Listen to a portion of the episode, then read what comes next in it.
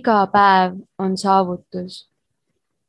nädal, kuu, seejärel aasta, mil me tagasi ei lange.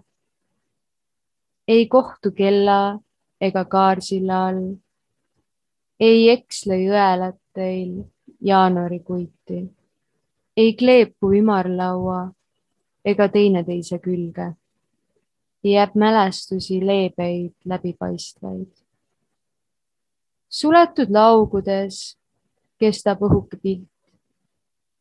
udune kuu paisub õues aina enamaks. midagi kahaneb aeglasel kiirel, aeglasel aeglasel ja möödapääsmatult on öödes nüüdsest augud. Ain Viisileht. tere tulemast kuulama noorte kirjandusajakirja Värske Rõhk podcasti Rõhk. mina olen Tallinna Ülikooli kirjandusteaduse magistrant Grete Alasoo ning täna avaneb meil võimalus heita pilk ajakirja köögipoolele ning saada aimdust sellest, kuidas seda ajakirja ikkagi tehakse minu saatekülalisteks on ajakirja tõlke ja päevikutoimetaja Mirjam Parve ning äh, luuletoimetaja Maarja-Helena Meriste, kellega vestlemegi sellest, kuidas luulet ja tõlkeid toimetatakse. esimese asjana paluksin teil end kuulajatele tutvustada milline on teie taust ja kui kaua olete töötanud Värskes Rõhus? Äh, mina olen Värske Rõhu kõige uuem toimetaja, kõige vastsem. Äh, eelmise aasta novembris hakkasin tööle. ja enne seda ma olin natukene toimetanud ja tõlkinud äh, niimoodi siin-seal erinevaid asju ma õppisin äh, semiootikat bakas ja siis äh, pärast Tartu Ülikoolis äh, kirjaliku tõlke magistris. nii et ma ei ole nagu filoloog, aga, aga olen justkui tõlkimisharidusega tegelikult, kuigi see oli rohkem selline tarbetekstide keskne. ja mina olen Maarja-Helena ma olen siis Värske Rõhu luuletoimetaja alates kahe tuhande üheksateistkümnenda aasta sügisest, et olen siis nüüd poolteist aastat olnud äh, Värskes Rõhus.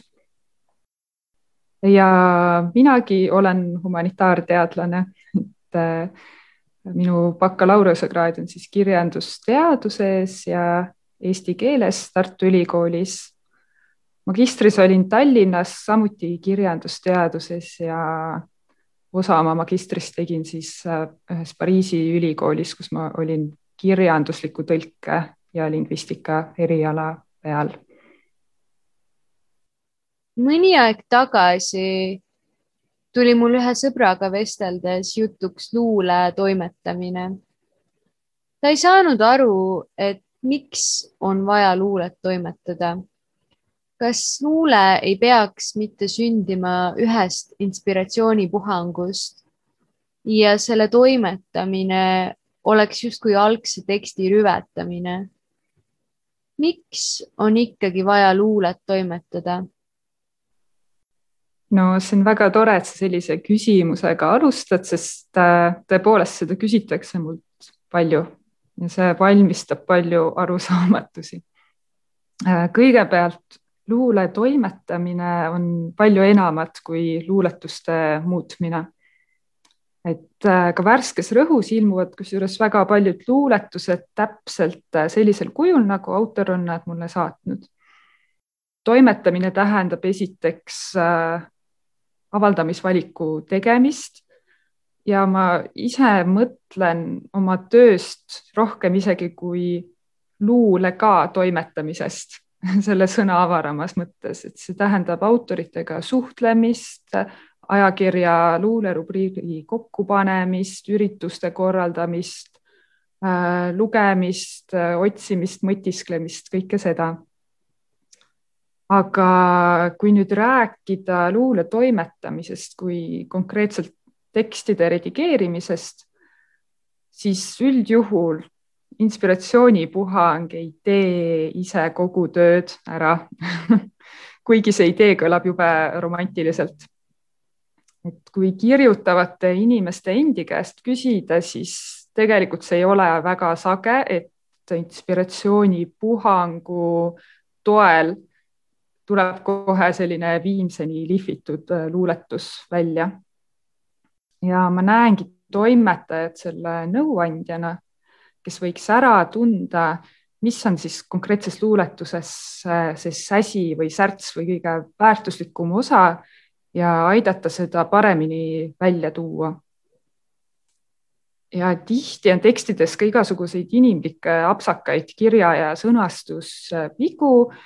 noh, me kõik teame, kuidas enda kirjutatud äh, teksti vigadele on iseenda silm pime, et selliseid kohti kui ei oleks toimetajat, kes aitaks neid näha ja viimistleda, siis võib juhtuda see, et jääb hoopiski varju see, mis mõnes luuletuses tõeliselt äh, väärtuslik on.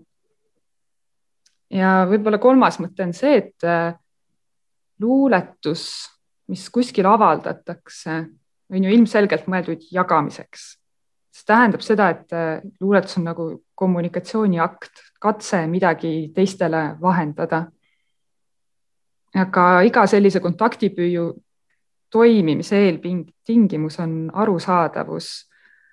ja selle saavutamiseks on jube hea, kui enne avaldamist on veel üks silmapaar, üks nõuandev silmapaar, kes siis äh, loeb ja, ja aitab näha seda, mida kõrvaltpilk näeb siis.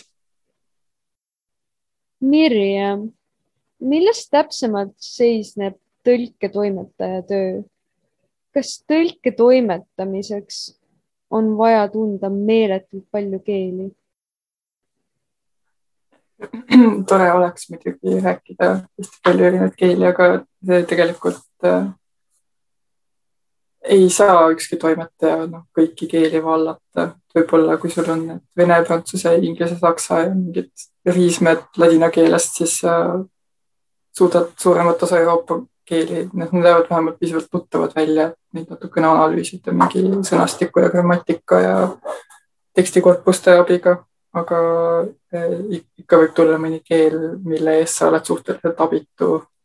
et eh, toimetaja peab ikkagi, vähemalt ma tunnen, et ma pean nagu usaldama tõlkijat, et tema on võib-olla eh, ikkagi parem selle lähtekeele tundja ja ma kujutan seda ette, et meil on nagu mingi selline köievedu, et äh, mina tahan sikutada seda teksti nagu rohkem eesti keele ja eesti kultuuri poole ja tema võib-olla tagasi sinna selle lähtekeele, lähtekultuuri, selle autori ja teksti poole.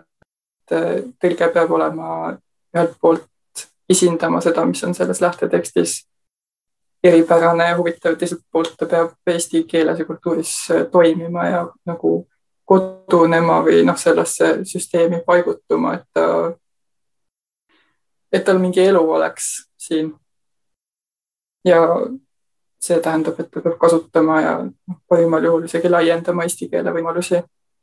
nii et temast saaks ikkagi selline nauditav ja töötav eestikeelne tekst ka iseseisvalt.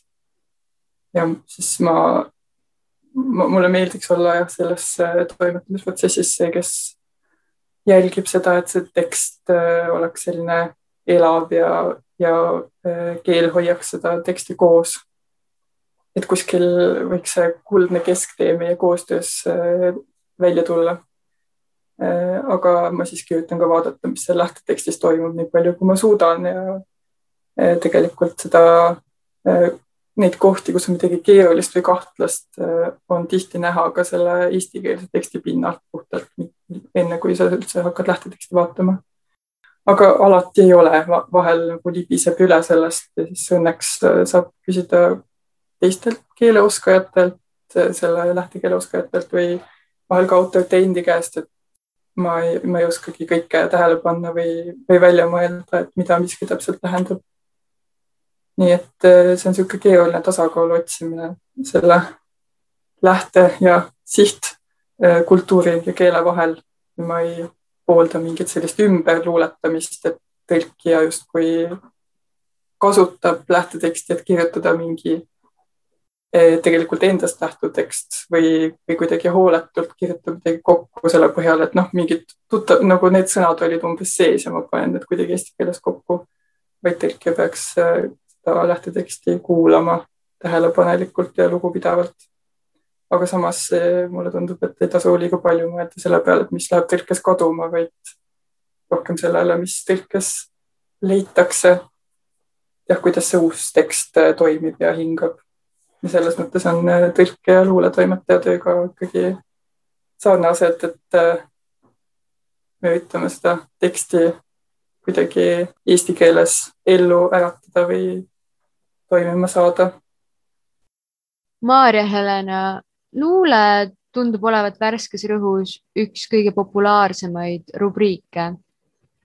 kui palju luuletusi sulle nädalas saadetakse ja kui tihti sa pead saatjatele ära ütlema?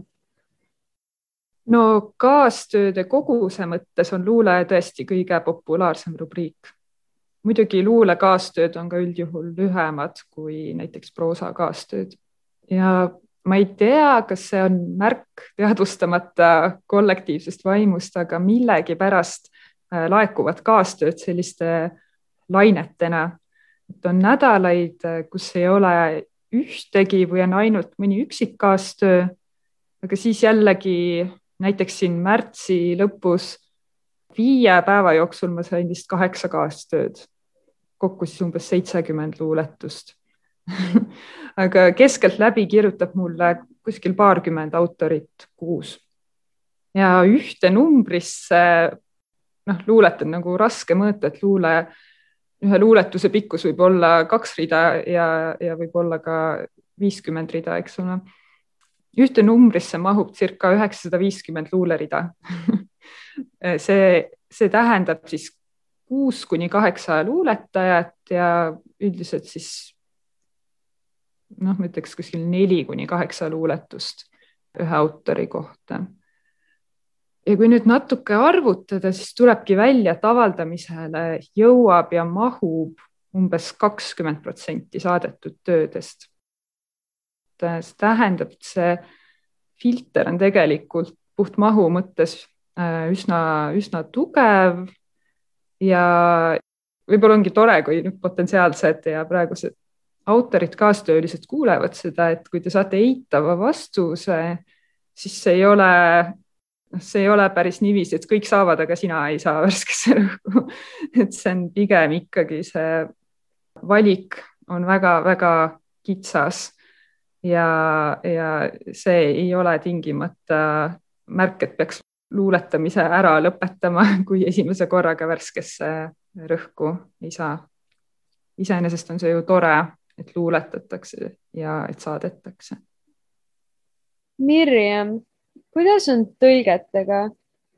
oletame, et ma satun välismaal mõnda eksootilisse raamatupoodi ning leian sealt mõne toreda võõrkeelse luuleraamatu.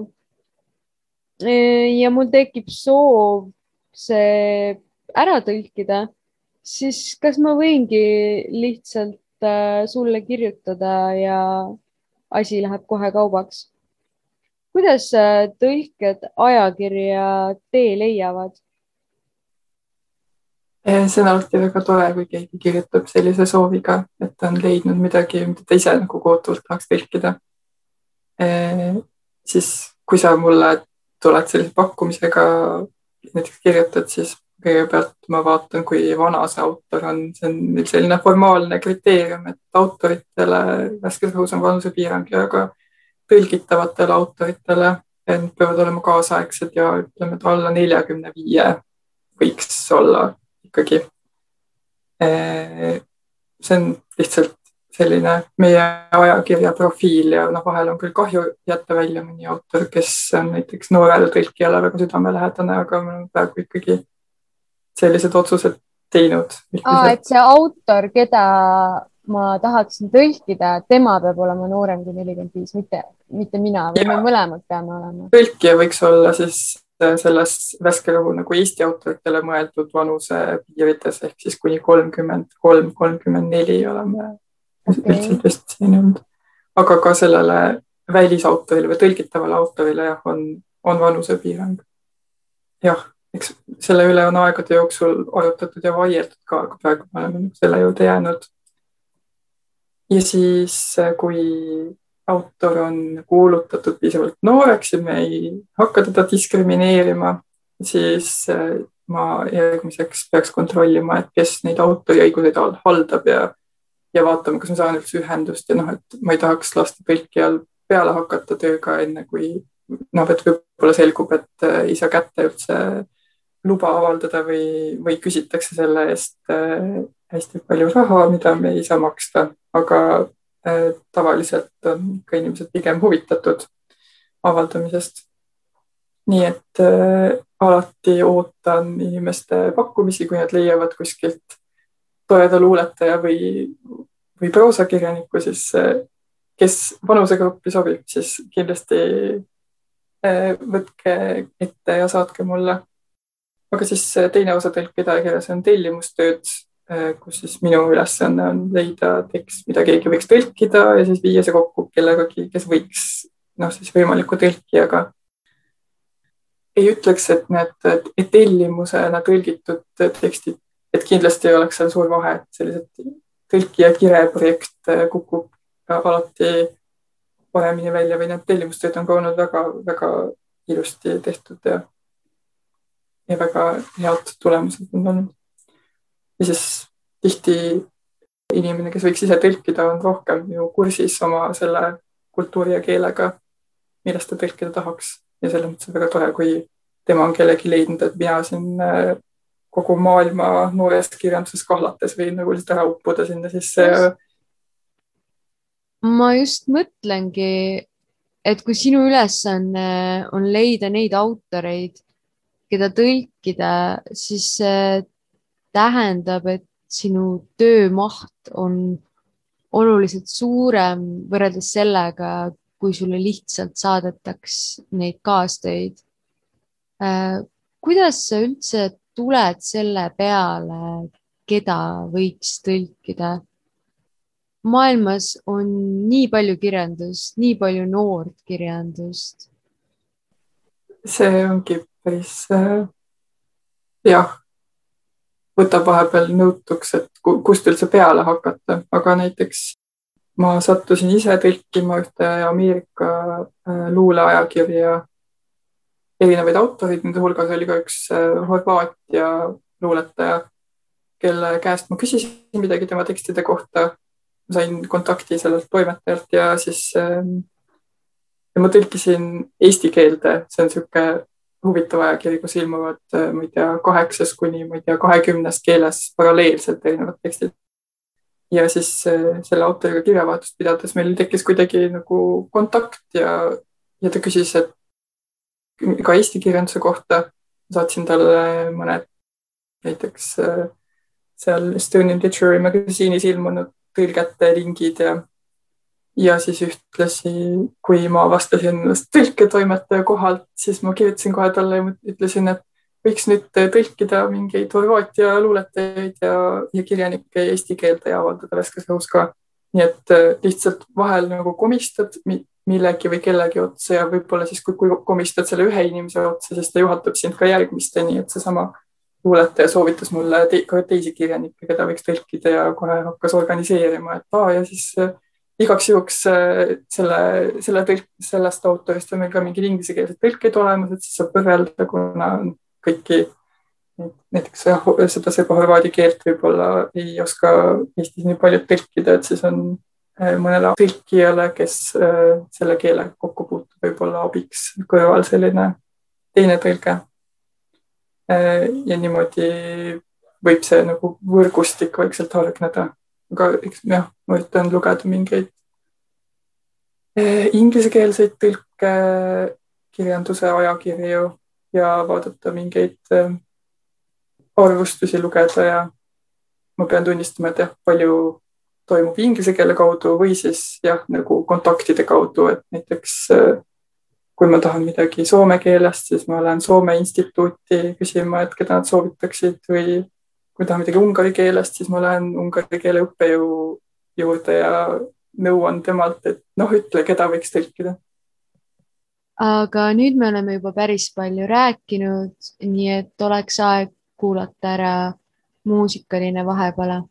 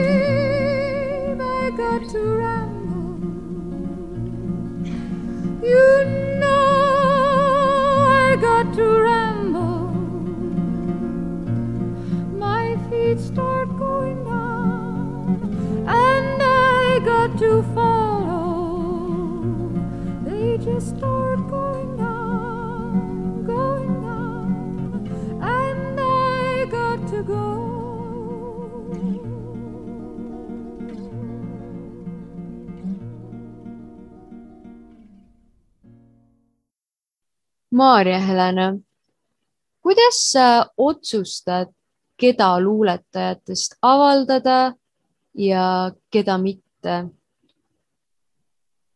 no hästi lihtsalt öeldes ma otsustan selle järgi, kui hästi on välja tulnud see, mida on üritatud teha. paljudel juhtudel on tekstist ikkagi kohe aru saada, et kas sõnakunst on kirjutaja stihja või, või mitte. see kindlasti ei tähenda seda, et tekst peaks kohe täiuslik olema. Kui seal on olemas kasvõi mõne värsi jagu midagi väga head, siis ma alati julgustan autoreid edasi kirjutama ja lihvima. minu isiklik maitse on tegelikult üsna viimane argument, mis mängu tuleb. vahel, kui ma tõesti endas kahtlen siis ma küsin küll kolleegidelt nõu ja aga samas see tulemus on alati selline, et nad arvavad samamoodi kui mina, isegi kui ma ei ole enda, enda arvamust neile enne äh, öelnud. et äh, see annab mulle ka natuke kindlust juurde, sest see toimetaja amet paratamatult nagu niisugune teatud äh, noh, see on olemuslikult subjektiivne töö olla selline stiili, stiili ja maitse äh, volinik maitse kohta ma ütleksin veel nii palju, et mul ei olegi tegelikult väga fikseerunud stiili või temaatilisi eelistusi iseendal. ma pigem olengi hästi uudishimulik ja ma ootan seda, et, äh, et autorid ise mind kasvataksid, et nad äh, näitaksid oma loominguga kuidas veel on võimalik keeles olla, mida veel on võimalik keeles teha. keegi mind nagu käe kõrval viiks sellisesse sõnailma, mida ma ei teadnudki, et olemas saab olla või et mis mulle meeldida võiks. ja selline hoiak on minus toimetajana töötamise ajal aina süvenenud.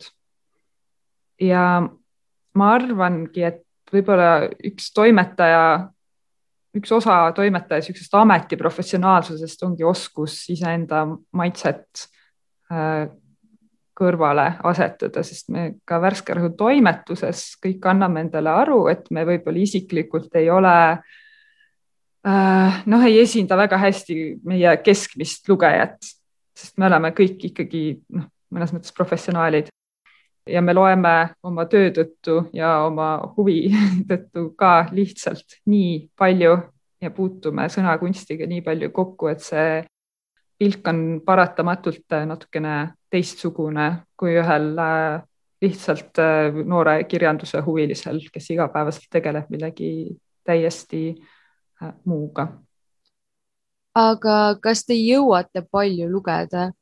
Kui teile saadetakse iga nädal suures mahus kaastöid, siis äh, äkki ei jõuagi sellele kõigele lisaks veel juurde lugeda? see on küll tegelikult hea, hea asi, et sa selle välja tõid.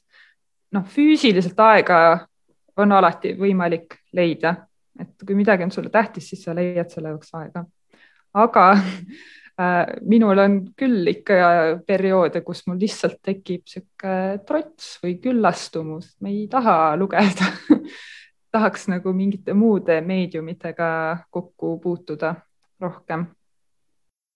see võib omamoodi aidata, näiteks looduses käimine võib aidata luulet toimetada.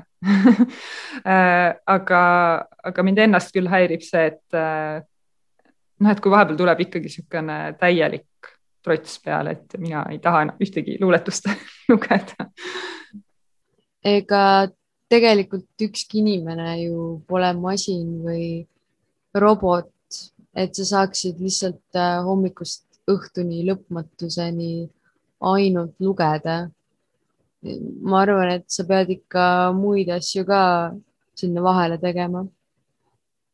just, just see masinlikkus ongi see kõige suurem oht, et äh, kui, kui liiga palju sedasama asja teha, siis sa võib-olla kaotad mingi tundlikkuse. ja siis, kui vahepeal viis päeva ilma luuletusi lugemata olla ja siis järsku midagi uuesti lugeda, siis nagu värvid on kirkamad ja maailm on eredam, selline tunne. aga Mirjam, mis on peamised probleemid, mis tekstide tõlkimisel tekivad? Äh, eks see on, äh, ühelt poolt on algajatel, tõlkijatel omad hädaohud, kuidagi kiputakse, noh, öeldakse, et keegi kirjutab inglise keelt või saksa keelt eesti sõnadega. see on nagu hakkad, hakkad peale sellest, et nii, siin on sõnaraamat, selle sõna vastu on see ja siis saad aru, et aa, aga eesti keeles ei tulegi niimoodi lause välja. Äh, aga sellest liigutakse tavaliselt üsna kiiresti edasi äh, äh, aga, aga tegelikult äh, jah, ka kogenumal tõlkijal sa kuidagi ujud selles äh, lähtetekstis ja lähtekeeles ja su ajul või vähemalt minul on küll selline tunne, et kuigi ma väga hästi tean nagu, et eesti keel ja näiteks inglise keel, millest ma tõlgin, on erineva ehitusega, siis mulle hakkab nagu vahepeal tunduma, midagi nagu seal läheb loksuma ja, ja ma hakkan vahepeal tegema näiteks lauseehitusi, millel on, mis on inglise keelest mõjutatud. nii et ähm, see, sellist asja juhtub äh, ikkagi palju tõlkijatel, et äh, kas äh, kogemata võtad üle mingi fraseologismi või, või sa näiteks vahel ka ei saa aru, et kas see on nüüd siis kinnisväljend selles keeles või on see autori niisugune originaalkujund. ja no eesti keelde on juba täitsa kinnistunud sellised, sellise protsessi tulemused, et nagu päeva lõpuks ja minu tassike teed ja sellised asjad. aga see juhtub ka niisuguste struktuursete asjadega, et teised keeled on ju teistmoodi üles ehitatud kui eesti keel ja siis äh, kuidagi see niimoodi imbub ka sinu eestikeelsesse lausesse, et äh, ma ei tea, hästi palju võetakse näiteks üle seda des lauselühendit ja moss-vormi, et neil on, need jah, need eksisteerivad eesti keeles, neil on oma nišš, aga eesti keeles see ei ütle, et me oleme siin rääkimas toimetamisest, vaid me ütleme, et me räägime siin toimetamisest, võib-olla parajasti räägime. Et see on näiteks selline noh, et on selliseid tüüpilisi vigu või, või näiteks see, et eesti keelel on pigem omane eestäiend, aga vist ka inglise keele mõjul äh, tihti kasutatakse millegipärast seda järeltäiendit või kus eesti keeles võiks olla lausa lihtsalt liitsõna nagu ma ei tea, mustikajogurt või kassipilt, siis äh, vahel kipub tulema jogurt mustikaga või pilt kassist. mitte, et seda ei tohiks kasutada või sellel on kindlasti oma koht, vahel lauseehitus tingib seda. aga seda tuleb teadvustada, et millal sa seda kasutad ja miks. ja noh, tihti saab, just toimetaja näeb seda, et sa oled hästi palju pingutanud, et, et see lause nüüd nagu moodustada eesti keeles ilusti, kõik on nagu iseenesest korrektne, aga võib-olla vahel saab eesti keeles ka nagu asju lühemalt ja lihtsamalt öelda. ja selleks on tõesti toimetaja silm asendamatu aga vahel jälle mulle tundub, et või võib-olla see on ka see, et kui sa oled nagu hakanud seda toimetajat endale internaliseerima juba, et siis sa muutud hästi parano paranoiliseks või kõik need lõksud hakkavad sind kummitama ja siis äh, vähemalt mul on see, et ma üritan nagu liiga normaalset keelt toota või niisugust, äh, et ma tahan täiesti kindel olla, et see ei ole nüüd mingi võõrmõju või see ei ole niisugune kohmakus ja siis ma kipun nagu äh, hulluks minema sellega. üle mõtlema jah, et tegelikult, kui autori keel on äh, selles lähtekeele kontekstis ka isikupärane ja imelik ja markeeritud, siis ega see tõlkekeel ei saa olla nagu niisugune normaalne. Ja noh, üldse ikkagi tõlkija peaks olema nagu tundma, et tema on keele valdaja ja vaba ja loominguline äh, selline nooremide ori. ja noh, üldse ei ole ka toimetajana tekstivaatus minu meelest ei ole kindlasti vaja nendest normidest ja reeglitest tramplikult kinni hoida, vaid igasugu veidrused ja keelevõimaluste proovile panemine on väga tervislikud. aga need peavad jah, olema põhjendatud selle teksti enda sisemise struktuuri. Aga mis on su peamised abivahendid, mida sa tõlkimisel kasutad? see, kust reegleid kontrollida on vahel päris keeruline või noh, võib-olla reegleid saab vaadata muidugi äh, eesti keele käsiraamatust ja ähm,. ja noh, sõnaraamatust ma tõesti, mul on nagu täiesti sihuke kompulsiivne juba käsi ise kirjutab kn.eki.ee sisse just selle tõlke, olles nagu kahe keele vahel, sul tekib nii tihti küsimus, et oota, kas see sõna ikka tähendab seda, mis ma arvan, et see tähendab või või kas see inglise keeles tähendab seda, kas seal on tegelikult veel võimalus, mida see võiks tähendada.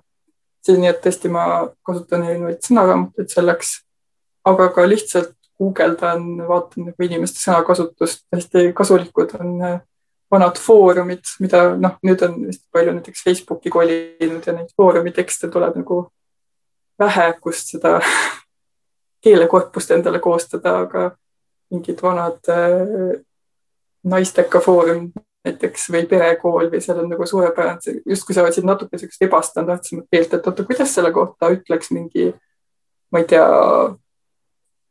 naabritädi või onu poe taga, siis veits nagu proovid endas nagu välja kutsuda selle poetaguse onu vaimu, siis äh, mõtled midagi välja, siis paned selle Google'isse ja siis vaatad, kas keegi on nii kirjutanud mõne asjaga, muidugi on see üsna viljatu, aga, aga jah, päris palju on sellist internetis ringis surfamist lihtsalt. aga vahel on ka selline, kui, kui ma tahan nagu mingit aru saada, et kuidas see tekst peaks kõlama, et vahel tuleb otsida, hoopis võtta mingi eestikeelne ilukirjandustekst ja lasta nagu sellele oma keeletaju puhastada.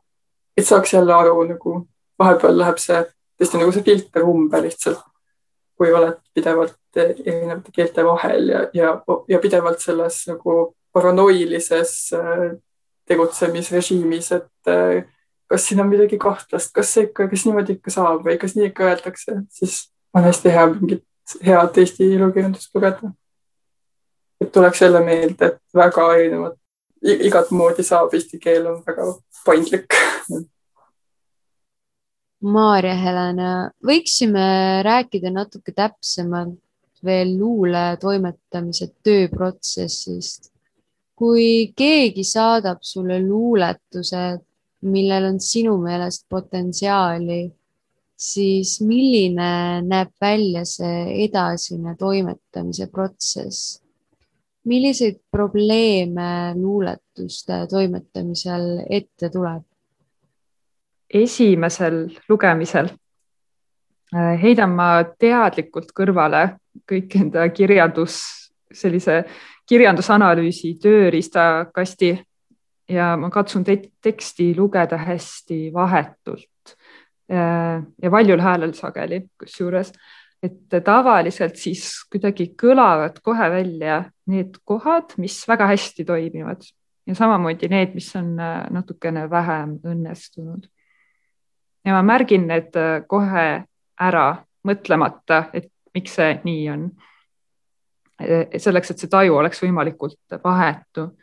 ja siis hiljem ma proovin täpsemalt sõnastada, et äh, mis seal siis oli, et mis teeb mõne koha väga heaks ja mõjusaks ja teise jälle nõrgemaks. siis selle põhjal ma tavaliselt annan autoritele tagasisidet ja soovitusi kui ma avaldamisvalikud kokku panen, siis ma vaatan ka, et need luuletused omavahel teatava niisuguse terviku moodustaks. no kõrgem tase on see, kui, kui ühes ajakirja numbris õnnestub kuidagi noh, et erinevad, erinevate autorite luuletused hakkavad seal omavahel kuidagi kõnelema. et seda ma väga teadlikult ei kureeri, aga vahel lõpuks, kui ajakiri kokku saab siis, äh, siis avastame korrektuuri lugemisel või kuskil lõppfaasis, et vaat kui huvitav, et äh, mingi kujund kordub erinevates äh,, erinevatel autoritel ja isegi üle, üle nagu erinevate rubriikide. Igal juhul, kui ma teen mingi avaldamisvaliku ühelt autorilt, siis ma saadan selle autorile ja küsin, kas talle niimoodi sobib ja võib-olla teen ka mõned toimetusettepanekud. Need ettepanekud on üldiselt sellist küsimuse vormis, mitte siis käsud. Et näiteks minu meelest saaks, tea, siin või siin reas rütmi palju paremaks, kui me sõnade järjekorda natuke muudaks, et, et mida sina arvad? ja tegelikult need toimetamisprobleemid, sa küsisid probleemide kohta, need ei olegi nii väga autoritega suhtlemisel, et ma ei pea mingeid meeletuid sõdu autoritega, tavaliselt meil on sellised sõbralikud äh, dialoogid. Äh, isegi siis, kui minu ettepanekutega ei nõustuta, see on tegelikult täiesti okei okay. ja aeg-ajalt juhtubki seda, et autoril õnnestub nagu äh, noh, niisuguse väikse arutelu või vaidluse käigus avada mulle mingi vaade, mida ma ise tegelikult kohe ära ei tabanud. aga probleem on äh, mu enda jaoks pigem see, kui ma tajun, et mingis kohas on midagi valesti või nihkes aga ma ei saa aru, mis seal on ja, ja noh, niiviisi ei saa inimesele tagasisidet anda, sest see on noh, jube ülbe on ju, et öelda, et kuule, see koht on halb, tee paremaks aga ma ei tea, kuidas. Sellist tagasisidet ei taha kellelegi anda, ometi mingid asjad, mis mul jäävad kuidagi kraapima, et noh, ma tunnengi, et see on see toimetaja ülesanne sellise olla hästi peenetundeline või tähendab peene tajuga, et aru saada, mis toimib, mis ei toimi, aga samas sa pead suutma seda siis arusaadavalt artikuleerida ja seletada äh, autorile ja noh, eks igal toimetajal üks niisugune põhiraskus või probleem on see küsimus, et kui palju peaks toimetama, et kust läheb see piir, et ma aitan kellelgi iseenda seest rohkem välja tulla. Ja siis selle vahel, et, et ma juba muudan täiesti teistsuguseks, muutun ise võib-olla rohkem autoriks. mina vist olen pigem nagu leebe toimetaja, et ma väga jõuliselt ise ei muuda, ma võin teha ettepanekuid, aga ma üldiselt ei ütle, et äh, nii on nii tuleb muuta. hästi, aga kuulame nüüd vahepeal jälle natukene muusikat.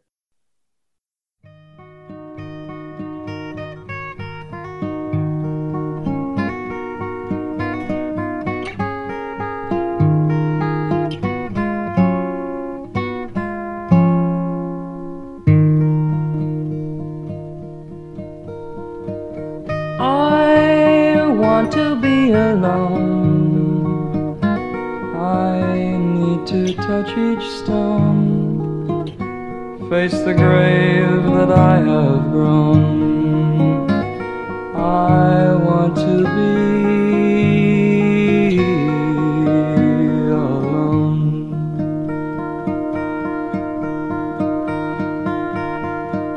Before all the days are gone darker walls are bent and torn to pass the time of those who mourn. I want to be alone. Rivers that run anywhere are in my hand. I'm just up the stair, past the eyes of those who care, who can never be.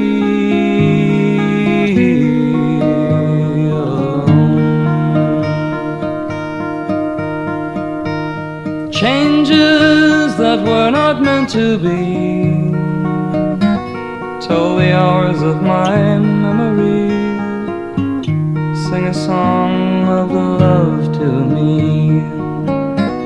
say you must never, never be alone.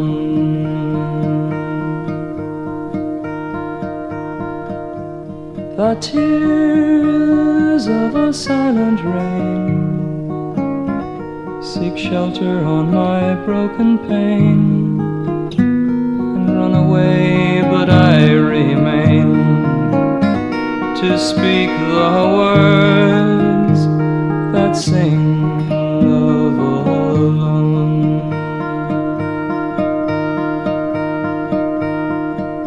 I want to be alone. I need to touch each stone, face the grave that I have grown.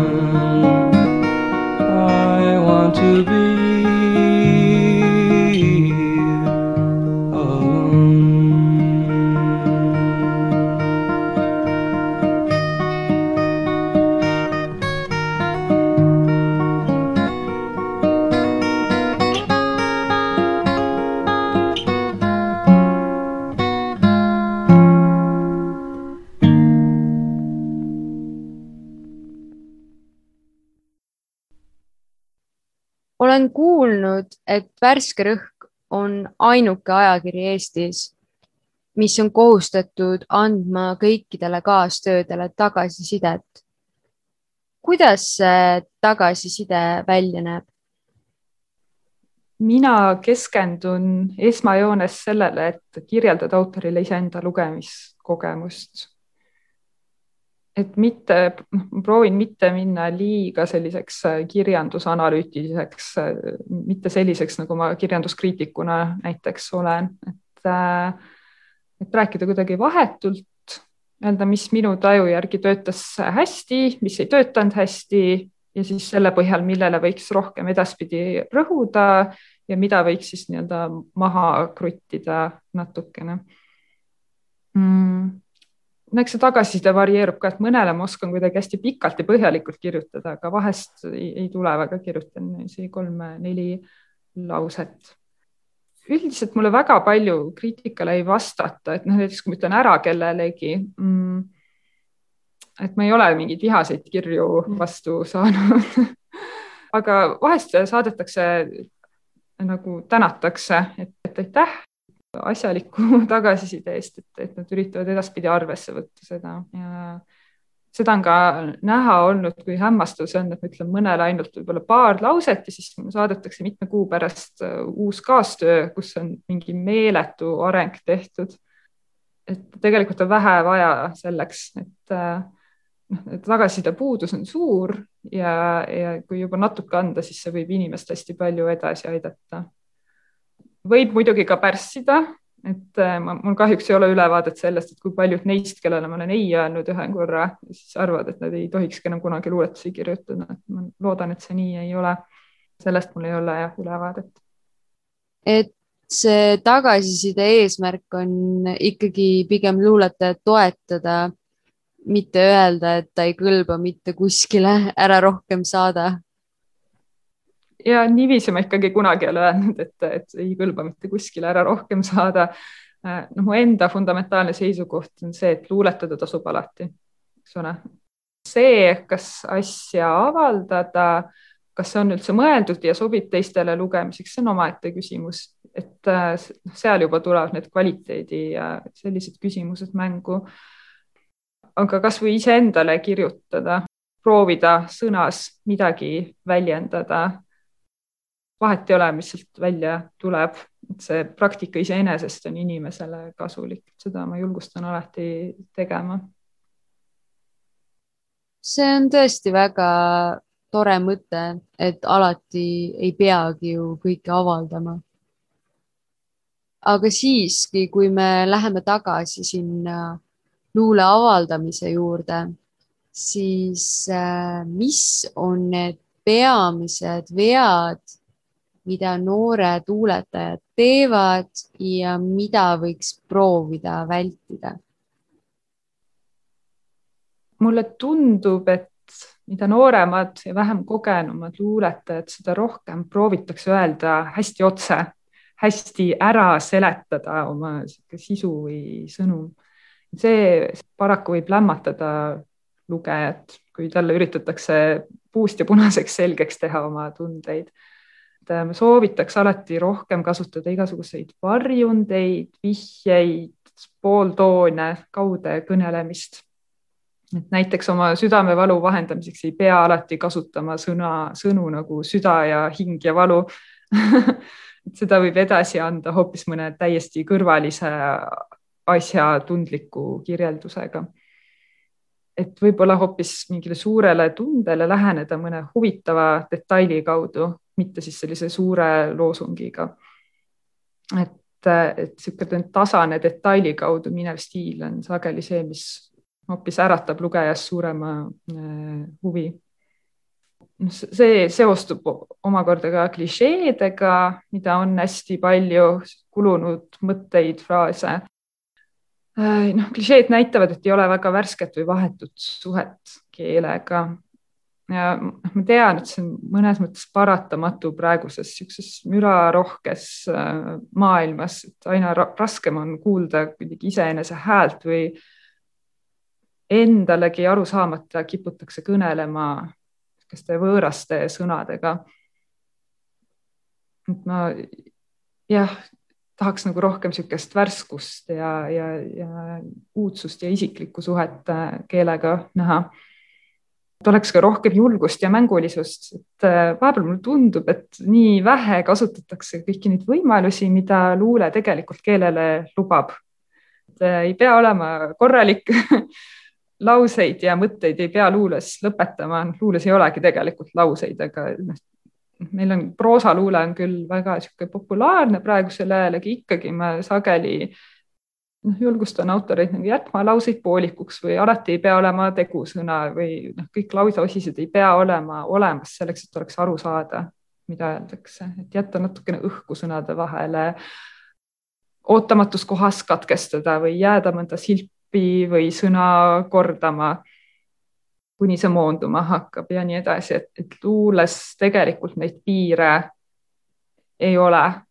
ma tahaks, et seda vabadust äh, rohkem kasutatakse.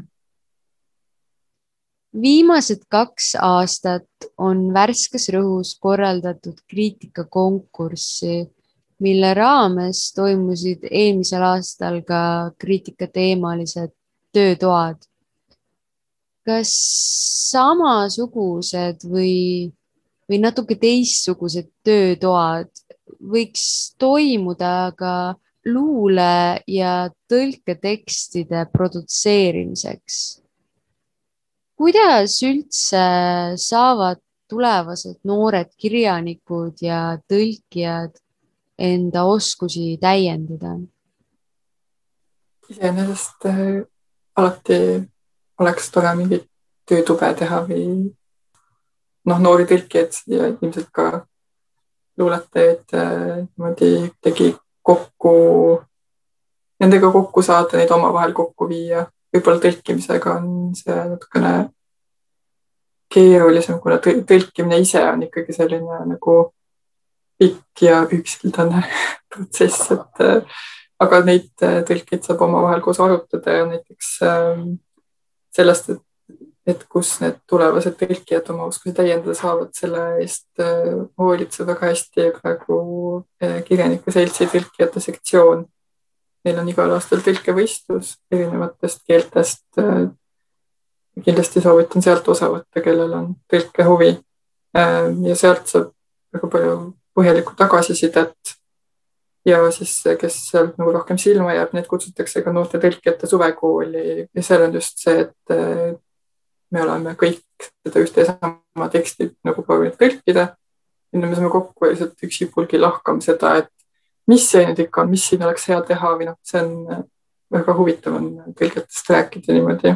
ja seal on ka äh, siis kogenud tõlkijad peavad mingeid ettekandeid ja üldse saab niisama äh, jaurata omavahel tõlkimisest, keelest, kirjandusest ja muudest asjadest ka muidugi äh,. ja siis veel sammuke edasi on ka selline äh, programm sealsamal tõlkijate sektsioonil nimega Meister Sell, siis äh, kus noor tõlkija saab äh, mingi teose tõlkimiseks ja ta saab selle, selle tõlkimise käigus siis üks kogenud nii-öelda meister tõlkija toetab teda ja annab nõu ja, ja noh, ka toimetab seda tõlget.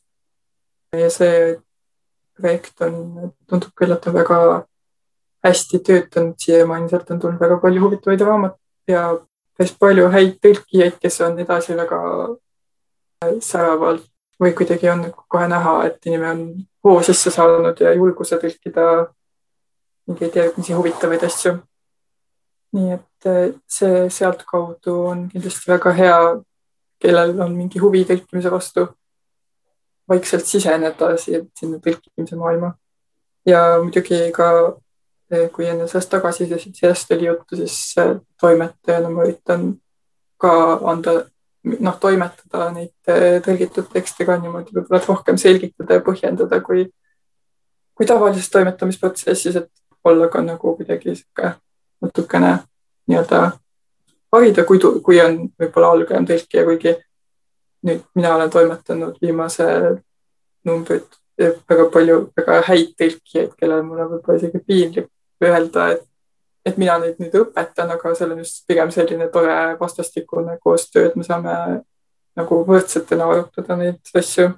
aga võib-olla tõesti või noh, tegelikult mul on, ma tunnen puudust sellest, et praegu on pandeemia ja kõik, et, et võib-olla oleks tore vahel kutsuda mõni tõlkija sinna samasse toimetuse tuppa ja vaadata koos seda teksti niimoodi kõrvuti, et kui ma oma esimese ühesõnaga, kui ma saatsin Loomingu raamatukokku, lihtsalt läksin Loomingu raamatukogu kodu, kodulehele ja saatsin, vaatasin, et mis on Triinu Tamme meiliaadress ja saatsin talle paar äh, tõlget Virginia Woolfi lühijuttudest.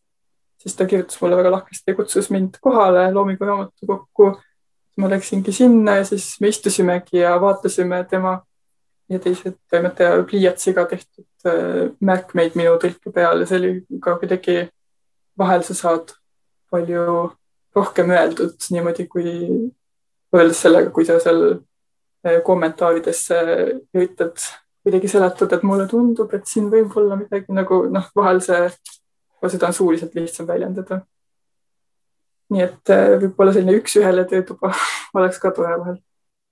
aga väga tore on kuulda, et tegelikult ikkagi neid variante noortele tõlkehuvilistele on mitmeid erinevaid ning tasub kindlasti osa võtta ja end proovile panna. lõpetuseks küsiksin, et äh, Maarja-Helena, kas sa ehk oskaksid äh, nimetada mõne oma viimase aja toreda luuleleiu? viimasel ajal äh, ma olen hästi palju kuulanud ERR-i digiarhiivist luuleruumi saateid, see on väga hea sellel ajal, kui ise parasjagu lugeda ei taha või, või ei saa, et mõne muu tegevuse taustaks, mis, see on tohutult rikkalik arhiiv. paar päeva tagasi ma sattusin siis sellise mm, arhiivisaate peale, mis on lindistatud aastal tuhat üheksasada kuuskümmend neli. seal on siis, vesteldakse kanakolhoosi töötaja Hando Runneliga et seal ongi siis reporter teeb intervjuud Hando Runneliga, kes siis on noor agronoom ja töötab kanadega ja siis äh, räägib seal äh, kanala elust ja samal ajal vahepeal loetakse siis tema äh, luuletusi. et see oligi vist sellel ajal, kui tal oli just ilmunud tema esimene luulekogu. ta räägib siis ka sellest, kuidas ta luuletama hakkas. Loetakse mõndasid tekste, aga räägitakse ka kanakasvatusest see on, see oli äärmiselt tore saade, väga niisugust mõnusat maa, maamulda täis saade soovitan kuulata luuleruumi. Mirjam, mis on sinu viimase aja lemmik tõlketeos? just leidsin riiulist Läti autori Reviins Varde raamatu Mis siin toimub, mille, mis ilmus eelmisel aastal, seal tõlkis Ilse Talberga see, see oli niisugune raamat, et mul oli paha tuju ja siis ma vedelesin voodis ja lugesin neid üksikuid tekste sealt, ma ei tea, hommikuti ja siis lihtsalt naersin kõva häälega, sest et need olid nii toredad ja jaburad ja kuidagi lohutavad. aga see on selles mõttes huvitav juhtum, et, et üldiselt on nagu ilukirjanduse puhul see reegel, et tõlkija peaks tõlkima oma emakeelde. Ja Ilse on ise lätlane. aga ta elab juba kaua Eestis ja õpetab siin läti keelt ja tundub, et nad on eesti keelega üksteist niimoodi ära lapsendanud, et peaaegu juba nagu emakeel. et see oli väga selline värskendav lugemiselamus. selline sai aprillikuu rõhk. Sooviksin tänada toredaid ja töökaid värske rõhu toimetajaid Mirjamit ja Maarja Helenat tänases saates osalemise eest ja kõikidele kuulajatele soovin omalt poolt loomingulist ja ilusat kevadet. haarake endale uus aprillikuu värske rõhk ja saatke julgelt kaastöid. thank you